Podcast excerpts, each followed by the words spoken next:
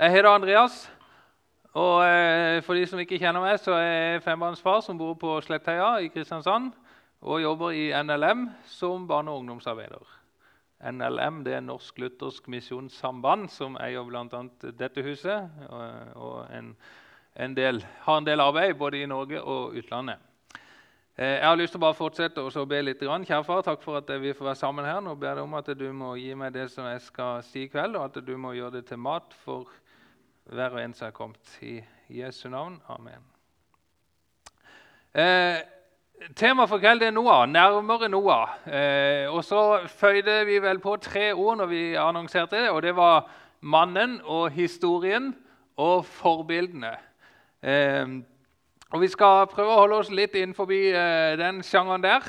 Eh, og Så blir det sikkert litt, eh, litt forskjellig vri underveis. Og så helt til slutt så får dere lov å bestemme den siste vrien, for da blir det spørsmålsrunde. Så får vi se hva som dukker opp der. Eh, men eh, jeg tenkte det at vi, vi, skal begynne med å se på Noah og hans tid og den historien som handler om eh, Noah i Bibelen. Det er jo sånn at Eh, Fortellinga om Noah den står skrevet i Første Mosebok i kapittel 6 til og med 9. Det er 6, 7, 8, 9, altså fire kapittel som eh, egentlig i det store og det hele handler om Noah. Um, og, og, historien med arken, som jeg antar at de fleste har hørt om eh, på et eller annet nivå. Uh, en ganske ynda sånn barnebibelfortelling, på tross av at det egentlig er en ganske grotesk historie. Eh, men vi har på en måte et eller annet, det ringer i bjelle når vi ser den arken der. Eh, vi har på en måte et eller annet sånn kjennskap til den historien. Eh, og så skal vi prøve å komme bitte grann nærmere den i kveld. Eh, ja. Vi, eh, det var de fire kapitlene som sagt, i Første Mosebok. Og så er det også sånn at Noah han nevnes noen andre ganger i Bibelen. Og flommen den nevnes noen andre ganger. sånn at vi kobler inn litt andre deler av Bibelen òg i forhold til dette temaet. Eh, I og med at eh, både Noah og hans tid og denne hendelsen spesielt, med arken og flommen, den nevnes eh, faktisk egentlig en rekke ganger i både Det gamle og Det nye testamentet.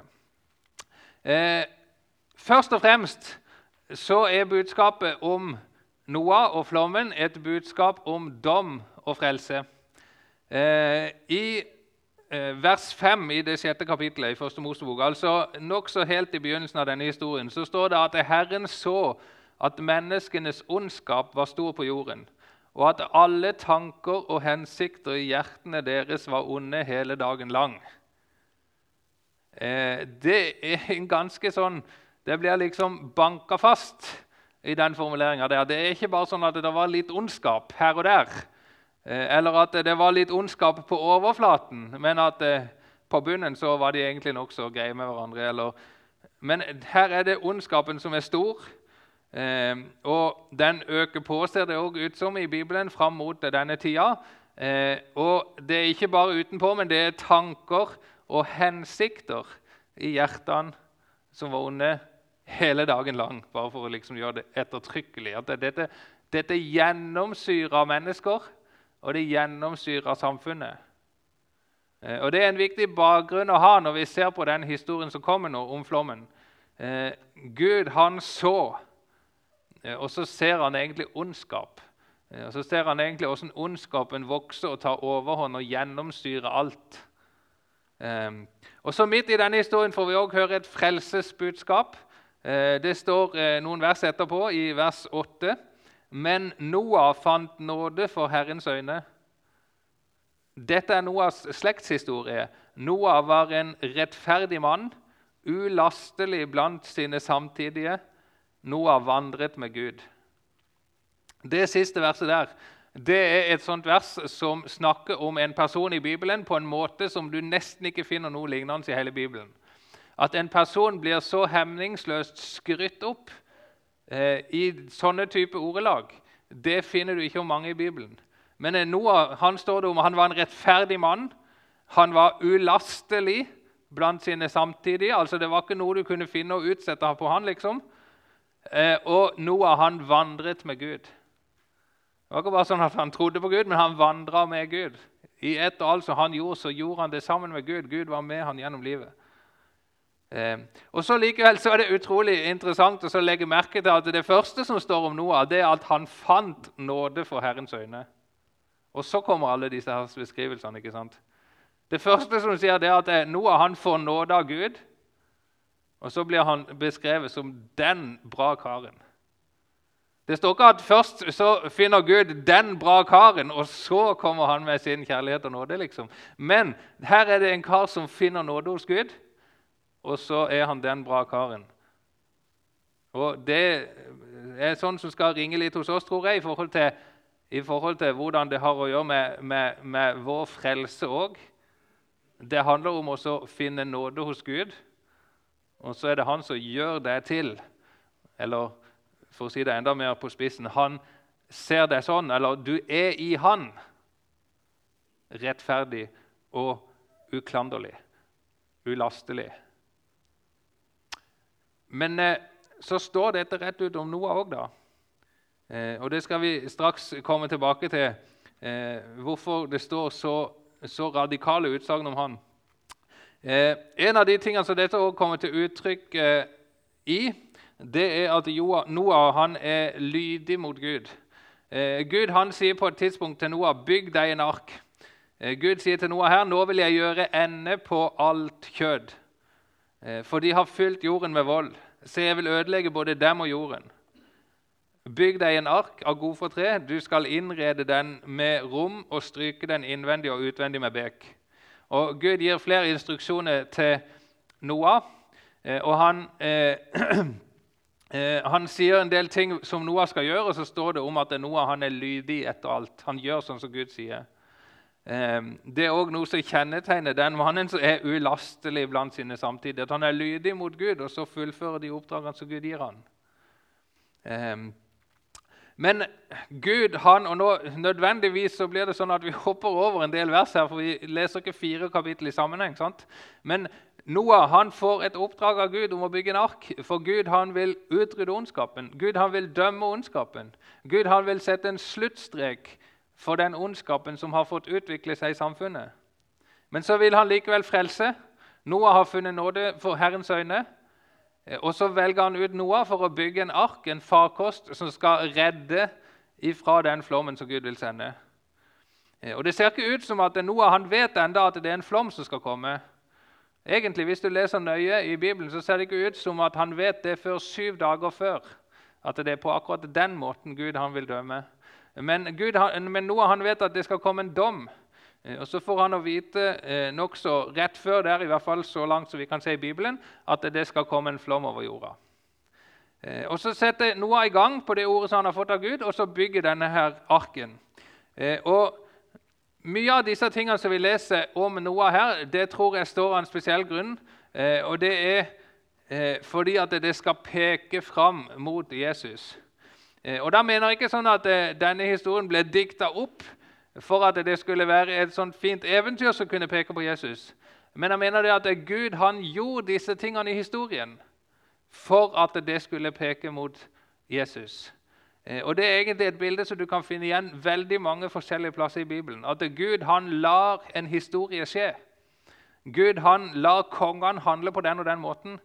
Gud han lar sine tjenere handle og gå fram på den og den måten. Og han gjør til og med sånn at eh, naturkrefter og forskjellige ting spiller inn for å liksom fullende og komplementere det bildet. Fordi at eh, ting og hendelser og personer skal peke fram imot det ultimate budskapet som Gud ønsker å formidle til oss nemlig at Jesus han er vår redningsmann.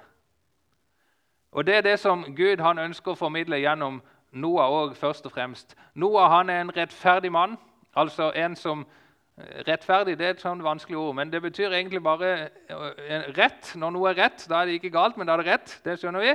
Og så å, å, være på ferden, det skjønner vi òg. Da er du ute og går, liksom. Så når du er rettferdig, da er du på ferden og på en riktig måte. Altså Du vandrer rett. Du går riktig fram i verden. Du gjør ikke noe galt i alt du gjør. Så rettferdig, uten feil, gjennom livet. Skjønner? Litt sånn iallfall. Noah han er rettferdig. Og så redder han andre. Og så redder han andre gjennom en farkost eller et byggverk som er av tre. Eh, og så er det et domsbudskap gjennom dette og et frelsesbudskap. Og Alle de tingene kan du si om Jesus òg. Jesus han er den rettferdige. Jesus han er det eneste mennesket som egentlig totalt sett er uten feil, uten synd.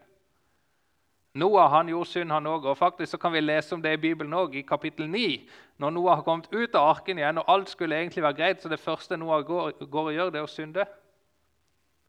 Men eh, Vi skal ikke ta den historien nå, men du kan lese om det òg i Bibelen. Noah han var en synder. Men eh, den eneste som er rettferdig, det er, det er Jesus. Han levde uten synd. Eh, men Noah han blir et bilde på han, og han beskrives i samme ordlag som Jesus. Og Så blir han en redningsmann for andre. Noah han hadde med seg syv andre personer ble det til slutt i arken sammen med seg. Jesus han redder mange ved sin død på korset. Og Korsets tre og arkens tre det er ting som vi må sammenligne her.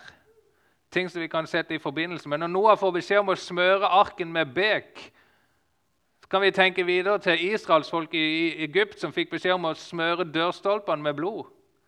Så kan vi tenke enda videre til korset som Jesus hang på og utgjøt sitt blod. Og så er på en måte Det blodet der det er det som gjør at frelsen holder. Fordi at Jesus han døde med et rent, ubesmitta blod uten synd. Og Derfor får jeg lov å gå fri. Fordi at han tok min synd på seg.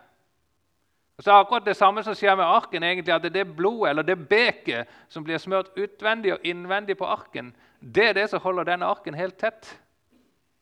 Uten det så hadde ikke den der turen nytta i det hele tatt. Men med det blodet på, eller det beket på, så blir dette helt tett, og det holder vannet ute, og det frelser ifra den dommen som kommer over verden.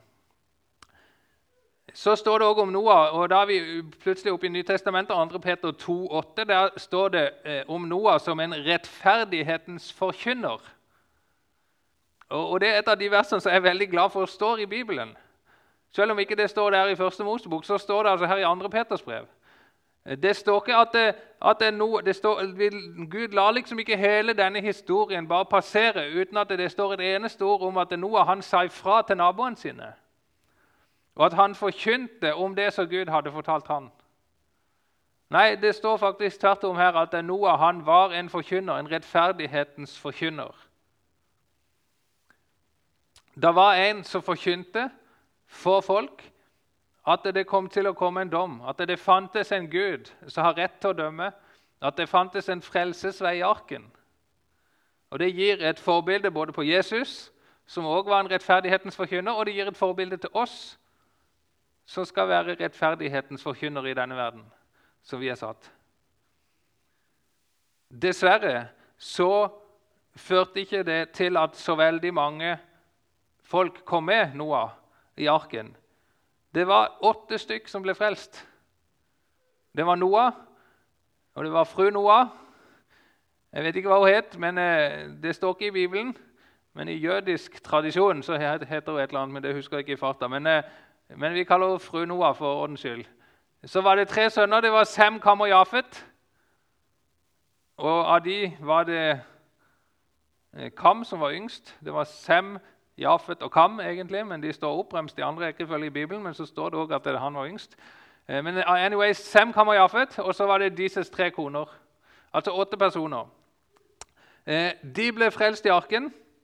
Og Jeg skrev inn Romerne 8,1 her.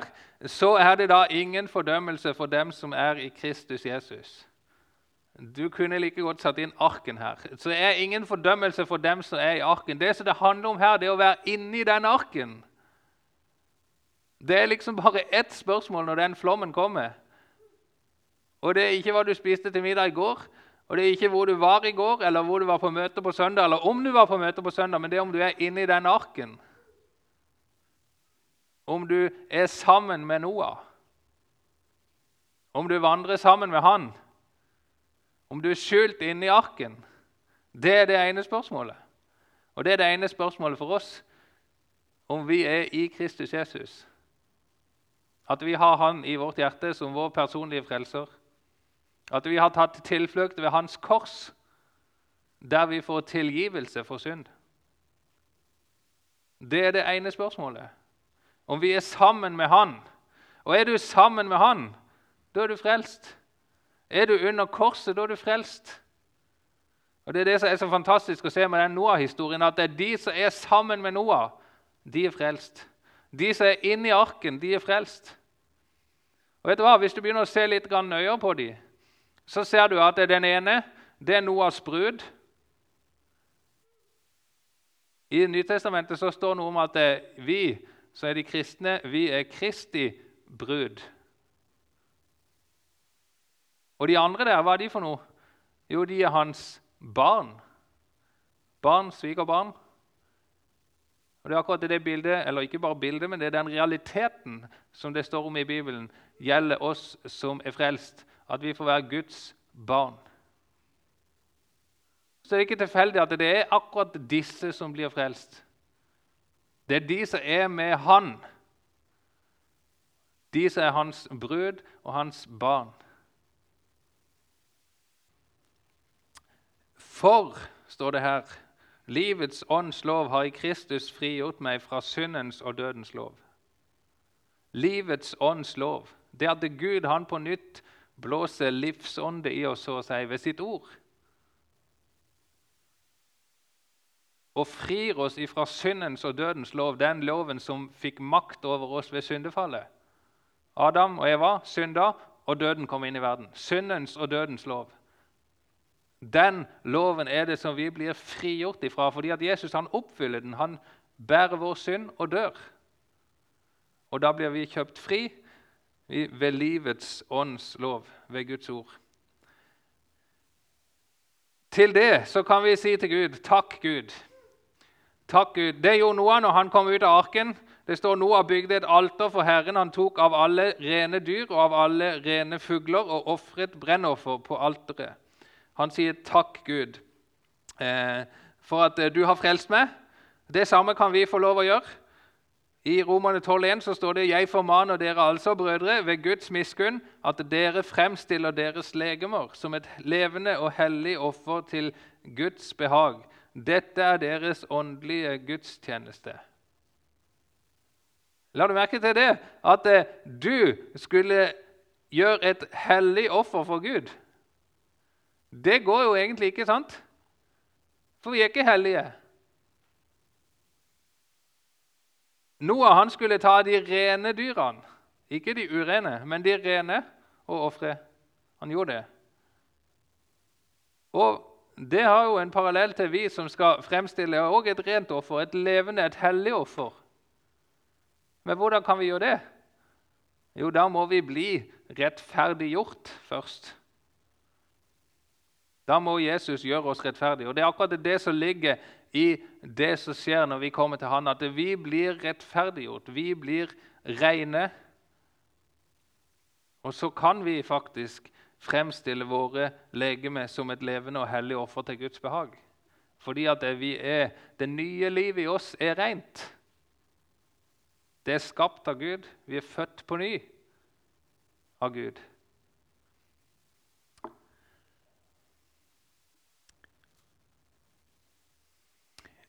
så kommer det en del spørsmål i forbindelse med disse her tingene. Og Et av de mest grunnleggende spørsmålene er kanskje hvordan kan Gud gjøre dette her? Hvordan kan Gud dømme en hel generasjon, ja egentlig flere generasjoner, hele jordens befolkning, i en flom? Greit, vi leste at ondskapen var stor osv. Men er det rettferdig av Gud å dømme en hel jord på den måten? Jeg holdt på å si hva med de nyfødte babyene? Hva med den og den og den? Hvordan kan egentlig Gud gjøre det? Hvordan kan egentlig vi tro på en bibel som forteller om en Gud, og tro på en Gud som handler på den måten? Er det noen her som ville handla på samme måten? Jeg håper ikke det. Men så er vi heller ikke Gud. Men hvordan kunne Gud gjøre det? Jeg tror En ting som vi skal legge merke til, der, det er at ofte så spør vi faktisk stikk motsatt. Og så spør vi hvorfor griper Gud ikke inn når det er synd og ondskap. Hvorfor griper ikke Gud inn overfor Saudi-Arabia og Jemen og militsen der nede som kriger? Eller i Kongo? Hvorfor sitter han og venter? Hvis han gjør det. Vi tenker veldig fort sånn. I, eh, i enkelte land så har det òg vært sånn politisk at, myndig, at, at, folk har gått ut i gatene og protestert og gått i demonstrasjonstog. Ikke fordi at de var imot bomavgiften, men fordi at de var for at landets regjering måtte gripe inn i forhold til kriminalitet. India er et eksempel på det. Der folket går i gatene og demonstrerer fordi at myndighetene ikke tar nok tak i kriminaliteten. Du må gripe inn, herr president. Sånn spør vi òg Gud noen ganger. Og Så sitter vi her og så sier vi, hvordan kunne, hvordan kunne Gud gripe inn? Svaret på alt dette her er selvfølgelig at Gud har den fullstendige oversikten på disse her tingene, så ikke vi er i nærheten av å se inn i. Og at han er 100 rettferdig i alt han gjør. Noen ganger så taler Bibelen om folk som har oppfylt sine synders mål. Akkurat som at det drypper vann opp i en kopp, og til slutt så er den koppen full, og da blir han tømt ut. Noen ganger så, så, så taler Bibelen på den måten. F.eks. når det er at israelsfolket de, Abraham han fikk beskjed om at han skulle få landet. Eh, og Så går det nesten 500 år før han faktisk får det. Først ble Isak født og Jakob født, og så reiste hele gjengen til Egypt. og Så var de der i 400 år og slaver og hele pakka. Så gikk de 40 år i ørkenen tilbake, og så fikk de beskjed om å innta landet. Da skulle de ta det fra kanonerene og de andre som bodde der. Og hvorfor det? Fordi at Gud var urettferdig overfor de? Nei, fordi at da hadde kanonerene oppfylt sine synders mål. Og da var tida kommet for en dom over det folkeslaget. Og da var tida kommet for at Israel skulle få landet sitt. Man, det går ikke an å tenke sånn som menneske. Vi skal slippe å, å verken se Gud i kortene på det eller å gjøre etter Han. Det er ikke vi som skal dømme i disse tingene. Det er ikke vi som skal følge etter Han på disse tingene. Det er Guds verk. Dommen hører Herren til. Men Gud han handler litt på den måten i historien. Og jeg tror faktisk at han gjør det eh, langt på vei i dag òg. I hvert fall i det store, store bildet med verdenshistorie. Her er det snakk tror jeg, om et folk og en jord som har oppfylt sine synders mål. Og hva ligger i det? Jo, det har på en måte, Begeret har rent over, da, hvis du kan bruke det bildet. Men hva ligger egentlig i det? Jeg tror òg det ligger noe, en erkjennelse av at her er det på en måte ingen vei tilbake. Det er et samfunn som er så gjennomforderva og gjennomforherda at det er ikke utsikt til flere som kan bli frelst ut av det samfunnet. Eller til en bedring på en eller annen måte. Jeg vet ikke. Jeg skal ikke sette to streker under det der. Eh, det er Gud som ser disse tingene. Men det er noen sånne pekere mot noen av disse tingene i Bibelen. At ting går så langt at kanskje til og med man kan si det sånn at det er til det beste for et folk eller i en situasjon at det er Gud han griper inn og dømmer. Ondskapen, den vil ta oss. Den vil ha oss.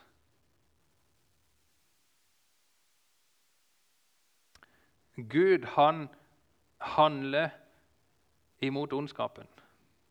Og så er det helt riktig at det Noen ganger så drøyer han. Og Mange ganger ser vi det i Bibelen at han venter i år etter år og i århundre etter århundre. faktisk. Og Jeg tror han gjør det med hensikt om å frelse mennesket ut ifra denne ondskapen. Det står det i Bibelen at Gud vil at alle mennesker skal bli frelst. Det står i Esekiel at han har ikke behag i den ugudelige stød. Gud han vil ikke at noen skal gå fortapt. Gud han vil ikke at de ugudelige skal dø. Men han tvinger ingen. Og Så drar han ut strikken og tilbyr sin nåde, men til slutt så dømmer han. Syndens lønn er døden, men Guds nådegave er evig liv i Kristus Jesus, vår Herre. Så henger òg denne historien sammen med den store historien, den store fortellinga, hvis vi kan kalle det i Bibelen. Egentlig så kan vi bare si på godt norsk verdenshistorien. Fordi Gud som har skapt verden, det er òg han som vil avslutte den. Og Gud er historiens herre, det er han som styrer historiens gang. Og I Bibelen så fortelles det at Gud han skapte alt godt fra starten. Og Det er faktisk ikke en uvesentlig detalj, men det er en veldig vesentlig side ved dette. Det er ikke Gud som er skyld i ondskapen. Gud han er god, og derfor så skapte han også godt. Noe annet ville egentlig vært absurd. At en god Gud skaper en verden som ikke er god. Gud han skapte godt. Gud han skapte mennesket i sitt bilde. Han skapte planter og dyr og alt som var godt for oss. Eh, og han skapte jorda for at vi skulle bo her. Det står òg. Eh, og så skapte han et skaperverk som var godt. Her er Adam og Eva opp, jeg vet ikke om dere ser de helt på toppen. De er ute og går tur rett før syndefallet. Det var overmåte godt. Ingen ondskap, ingen død, ingen lidelse. Og så forteller Bibelen om syndefallet. Slangen som var listigere enn alle dyr på marken, som Herren Gud hadde gjort, og den sa til kvinnen, 'Har Gud virkelig sagt:" 'Dere skal ikke ete av noe tre i hagen.' Det hadde jo ikke Gud sagt. Men Gud hadde sagt noe 'slightly different', som det heter på nynorsk. Og Så tvister slangen det bitte grann rundt, og så får han henne på glid. Og så blir det plutselig at slangen forkynner det stikk motsatte av det som Gud har sagt. 'Dere skal slett ikke dø', sier han. Og så er syndefallet et faktum. Og så får det konsekvenser. Ikke bare svevende åndelig her oppe, men her down to earth. Det får konsekvenser for hele skaperverket. Til Adam så sier Gud og Først har han sagt ting til slangen og til kvinna. Slangen den blir forbanna eller får, får eh, beskjed om å krype på sin buk og ete støv. Kvinna hun skal ha smertefulle fødsler osv. Og så sier Gud bl.a. til mannen at jorden skal være forbannet for din skyld, og med møye skal du nære deg av den alle dine levedager. Adam han hadde vært vant til å gå og plukke frukt i haven. Det var den jobben han trengte å gjøre. Men nå blir jorda forbanna, og han må jobbe og ete sitt brød i sitt ansiktssved, sånn som jeg lærte da jeg var liten. Paulus han gjentar dette her med litt andre ord. Roman 8. Skapningen ble jo lagt under forgjengelighet. Det er egentlig det samme. Jorda blir forbannet. Skapningen blir lagt under forgjengelighet. Det betyr at eh, skapningen den var annerledes før, når alt var godt. Men så blir han lagt under forgjengelighet. Han blir forgjengelig, og vi kjenner igjen absolutt alt som vi kan observere i universet og på jorda og i kroppen og overalt. Absolutt alt er forgjengelig. Bortsett fra vår sjel. Akkurat den er det nokså vanskelig å etterforske vitenskapelig.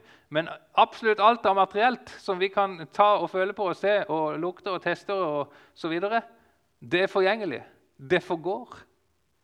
Som Jesus sier det rett fram, himmel og jord skal forgå, men mine ord skal slett ikke forgå. Sånn var ikke verden fra starten, men sånn ble han etter syndefallet.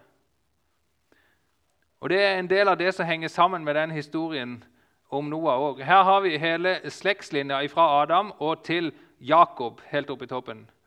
Eh, midt i cirka så har du en lang strek som liksom blinker sammen den første delen og den andre delen. Det er Noah. Det er kun to som overlever den streken som går opp midt på midten der.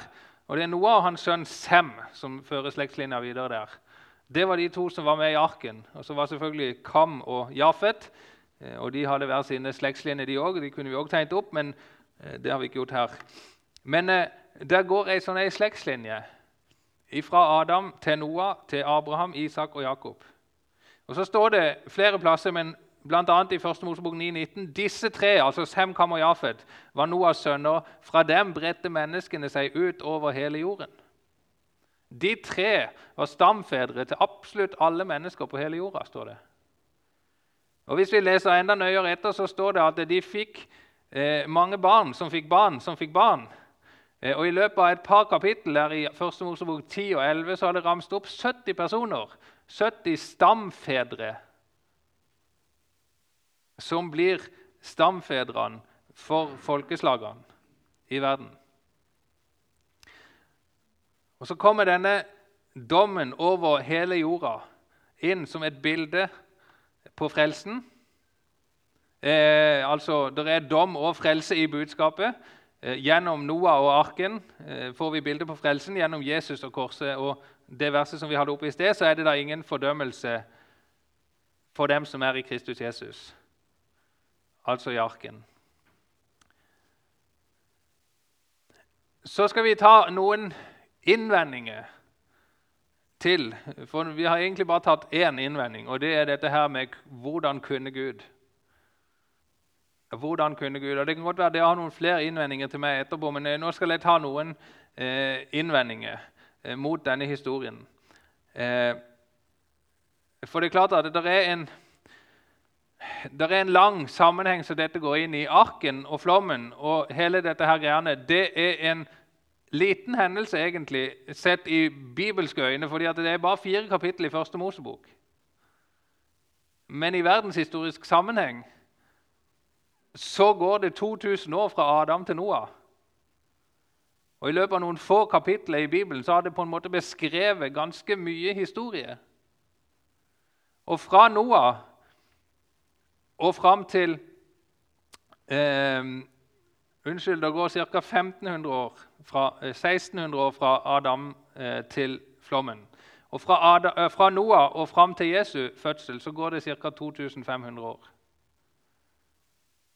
Resten av Gammeltestamentet handler om den perioden. Eh, og egentlig de 2000 siste årene før Jesus. Abraham blir født ca. 2000 år før Kristus. Han står det om i Første Mosebok. Tolv tidligste. 11-12. Så kommer hele historien til Israel. Så kommer Jesus. Han går rett tilbake til syndefallet, soner synd og død. Men det går enda nesten 2000 år fram til i dag, som er en misjonstid, der evangeliet skal ut til hele verden, og der vi venter på den endelige oppfyllelsen av Kristi gjerning og verdenshistorien og den endelige reverseringa av syndefallet. Det handler om Jesu gjenkomst. Det handler om at Gud skal skape en ny himmel og en ny jord. Og Det er inn i det store bildet fra skapelsen, der alt var godt, og til skapelsen av den nye jord, der alt skal bli godt, at alle disse tingene ligger og henger sammen. Men nå skal vi ta noen innvendinger. Når vi skal svare på innvendinger om Noahs ark,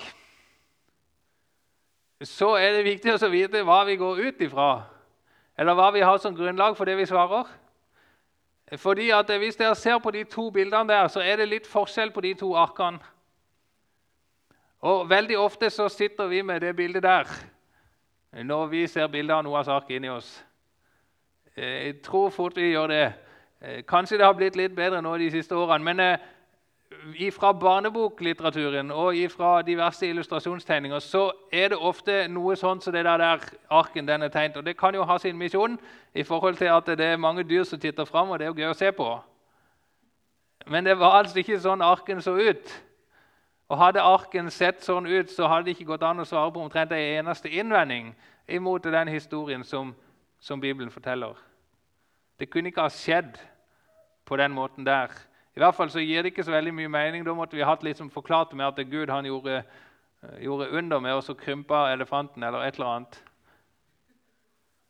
Men det, den arken som vi skal gå ut ifra, og de svarene som vi skal gå ut ifra når vi svarer på innvendinger om Bibelen, det er selvfølgelig Bibelen sjøl. Det er Bibelens definisjoner og beskrivelser av virkeligheten som vi må bruke som grunnlag. Og Hvis vi gjør det, så er det faktisk veldig gode svar på mange innvendinger. Hvis vi lar Bibelen sjøl fortale. Første Mosebok 6,15 så sier Gud til Noah Arken skal være 300 alen lang, 50 alen bred og 30 alen høy. Øverst på arken skal du gjøre en lysåpning som når en alen ned på veggen. Sett døren til arken på den ene siden. Du skal bygge den med tre dekk, et nederste, et annet og et tredje, innredet med rom i hver etasje. Det er en ganske nøyaktig og detaljert beskrivelse. Både for hvor stor arken skal være, og hvordan han skal være innredet. Og hvordan det skal komme lys og luft inn i arken. Eh, og Det gjør at det, det går egentlig an å bygge en nokså nok nøyaktig kopi av arken. Ordet 'ark', som for øvrig betyr kiste. Og Da er det ikke noen grunn til å forme den som en båt, i det hele tatt, men du kan forme den som en kiste. Firkanta kube.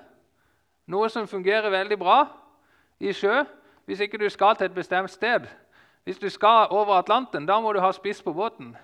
Men hvis ikke du skal noe sted og bare driver rundt, så trenger du ikke det. Denne eh, instruksjonen den er gjort ifra Gud for at Noah skulle få en farkost som han kunne bruke til det formålet som han skulle ha den til. En alen det er ca. en halvmeter. Det er avstanden fra albue og til fingerspiss.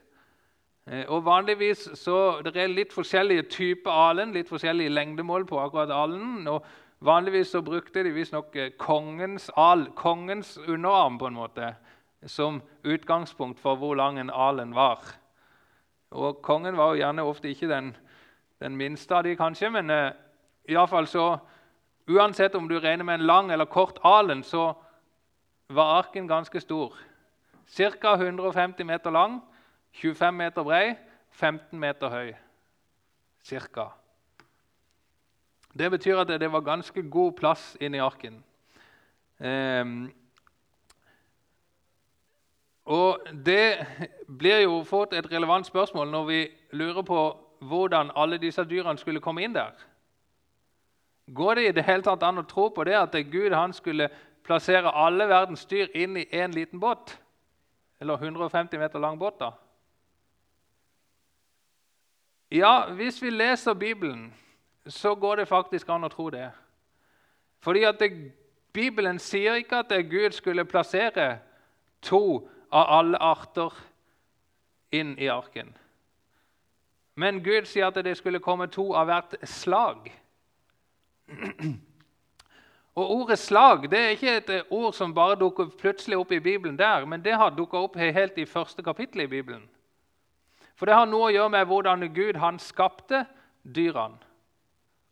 Gud han skapte dyrene hvert etter sitt slag. og Det står om og om igjen i 1. Mosebok 1 at de ble skapt både planter og fugler og sjødyr og landdyr ble skapt hvert etter sitt slag.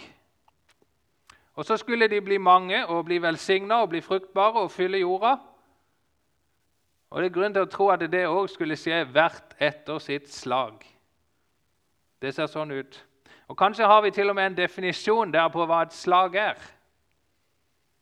At det er de dyrene som formerer seg med hverandre. Jeg tipper det i hvert fall ikke er langt unna, hvis vi antar det. Og Så er det altså de som skal gå inn på arken hvert etter sitt slag. Og Så er det interessant å se at Bibelen bruker et annet ord òg. For litt senere der, eller faktisk litt før enn det jeg har tatt med her nå, da, men i 1. Mosebok 7 der står det om disse her som skal gå inn. Og Da er det ikke for å holde deres slag i livet, men det er for å holde deres slekter i livet på hele jorden. Bibelen åpner på en måte opp for der at det der er ei slekt som kommer etter dette dyreslaget, som ikke nødvendigvis er akkurat lik det dyreslaget. Det er ei slekt som kommer etterpå, og som er det slaget, men som er diverse, altså variert, mangfoldig.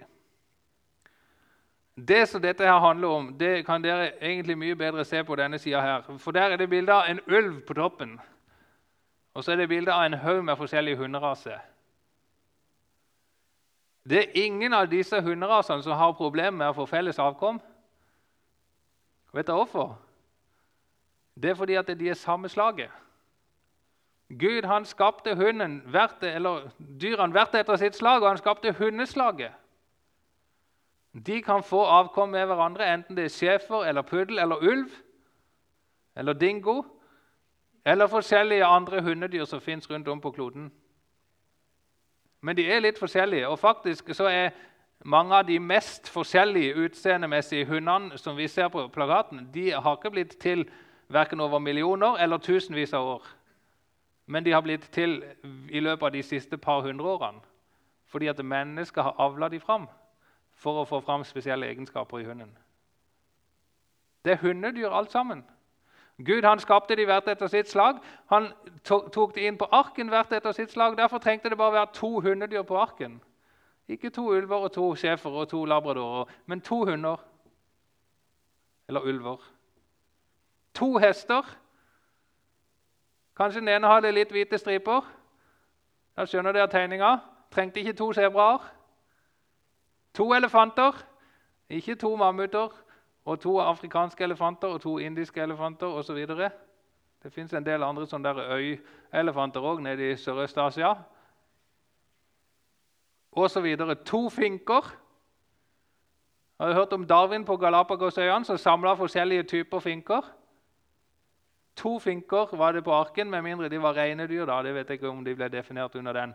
Da var det syv av, hver, eh, av hver, eh, hvert kjønn. 14 til sammen. Dere ser det under der. Bibelen forteller at Gud han skapte dyra hvert etter sitt slag. Og så er det så mye rikt, mangfoldig DNA i både oss mennesker og i dyr at vi blir forskjellige over tid pga. en del av de mekanismene som Darwin beskrev. faktisk. Survival of the fittest, variasjon, isolasjon eh, og naturlig seleksjon. Det er klart at Alle de mekanismene funker, og de skaper variasjon. Derfor ser vi mennesker forskjellige ut, derfor ser dyr forskjellige ut.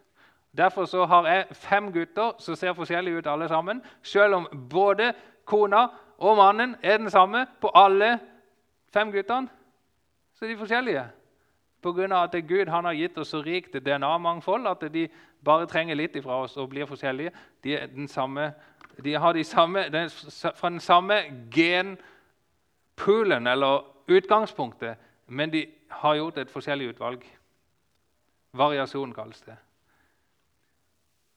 Og Når vi begynner å regne da, på hvor mange dyre slag det fins, og på hvor god plass det var i arken, så det er ingen problem å stue inn alle verdens dyreslag i arken. De som regner på det, de sier vel at omtrent en tredjedel av arken kan ha vært fylt opp. Og Så har de hatt god plass til mat, for det skulle de også ta med, og det skulle være folk, plass til folk. Eh, dessverre ble det bare åtte med. Men var det egentlig nok vann til å oversvømme jorda? Hvordan kan det ha gått for seg, og hvor ble det egentlig av etterpå?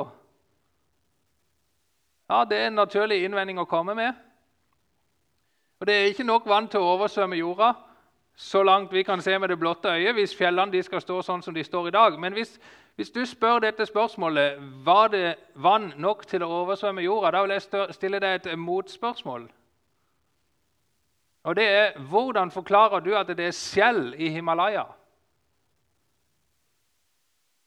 Den største og høyeste fjellkjeden i verden. Hvordan forklarer du at det, den er lagd av sedimentære bergarter, altså fjell som har blitt til under vann, og den inneholder skjellfossil og marine fossil? Ja, De fleste, for ikke å si absolutt alle forskere, vil forklare det med en eneste ting, og det er at det fjellet det har vært under vann. Noen tror at det var mange millioner år siden. Og Noen tror at det var ikke fullt så lenge siden. Men det er et svar på det spørsmålet det at det fjellet det har blitt til under vann. Og så har det blitt reist opp av seismisk aktivitet i jordskorpa og blitt reist opp til den høyden det har i dag. Var det vann nok til å oversvømme jorda? Ja, På et eller annet tidspunkt i jordens historie så må det ha vært det. I hvert fall hvis vi slutter at disse fjellene nokså samtidig har vært nede under vann. Hvis vi hadde glatta ut hele jordens overflate, tatt, liksom, tatt Guds hender, noen svære hender rundt hele jordballen, og så glatta ut alle fjellene Sånn at jorda hadde blitt helt rund. Glatt rund.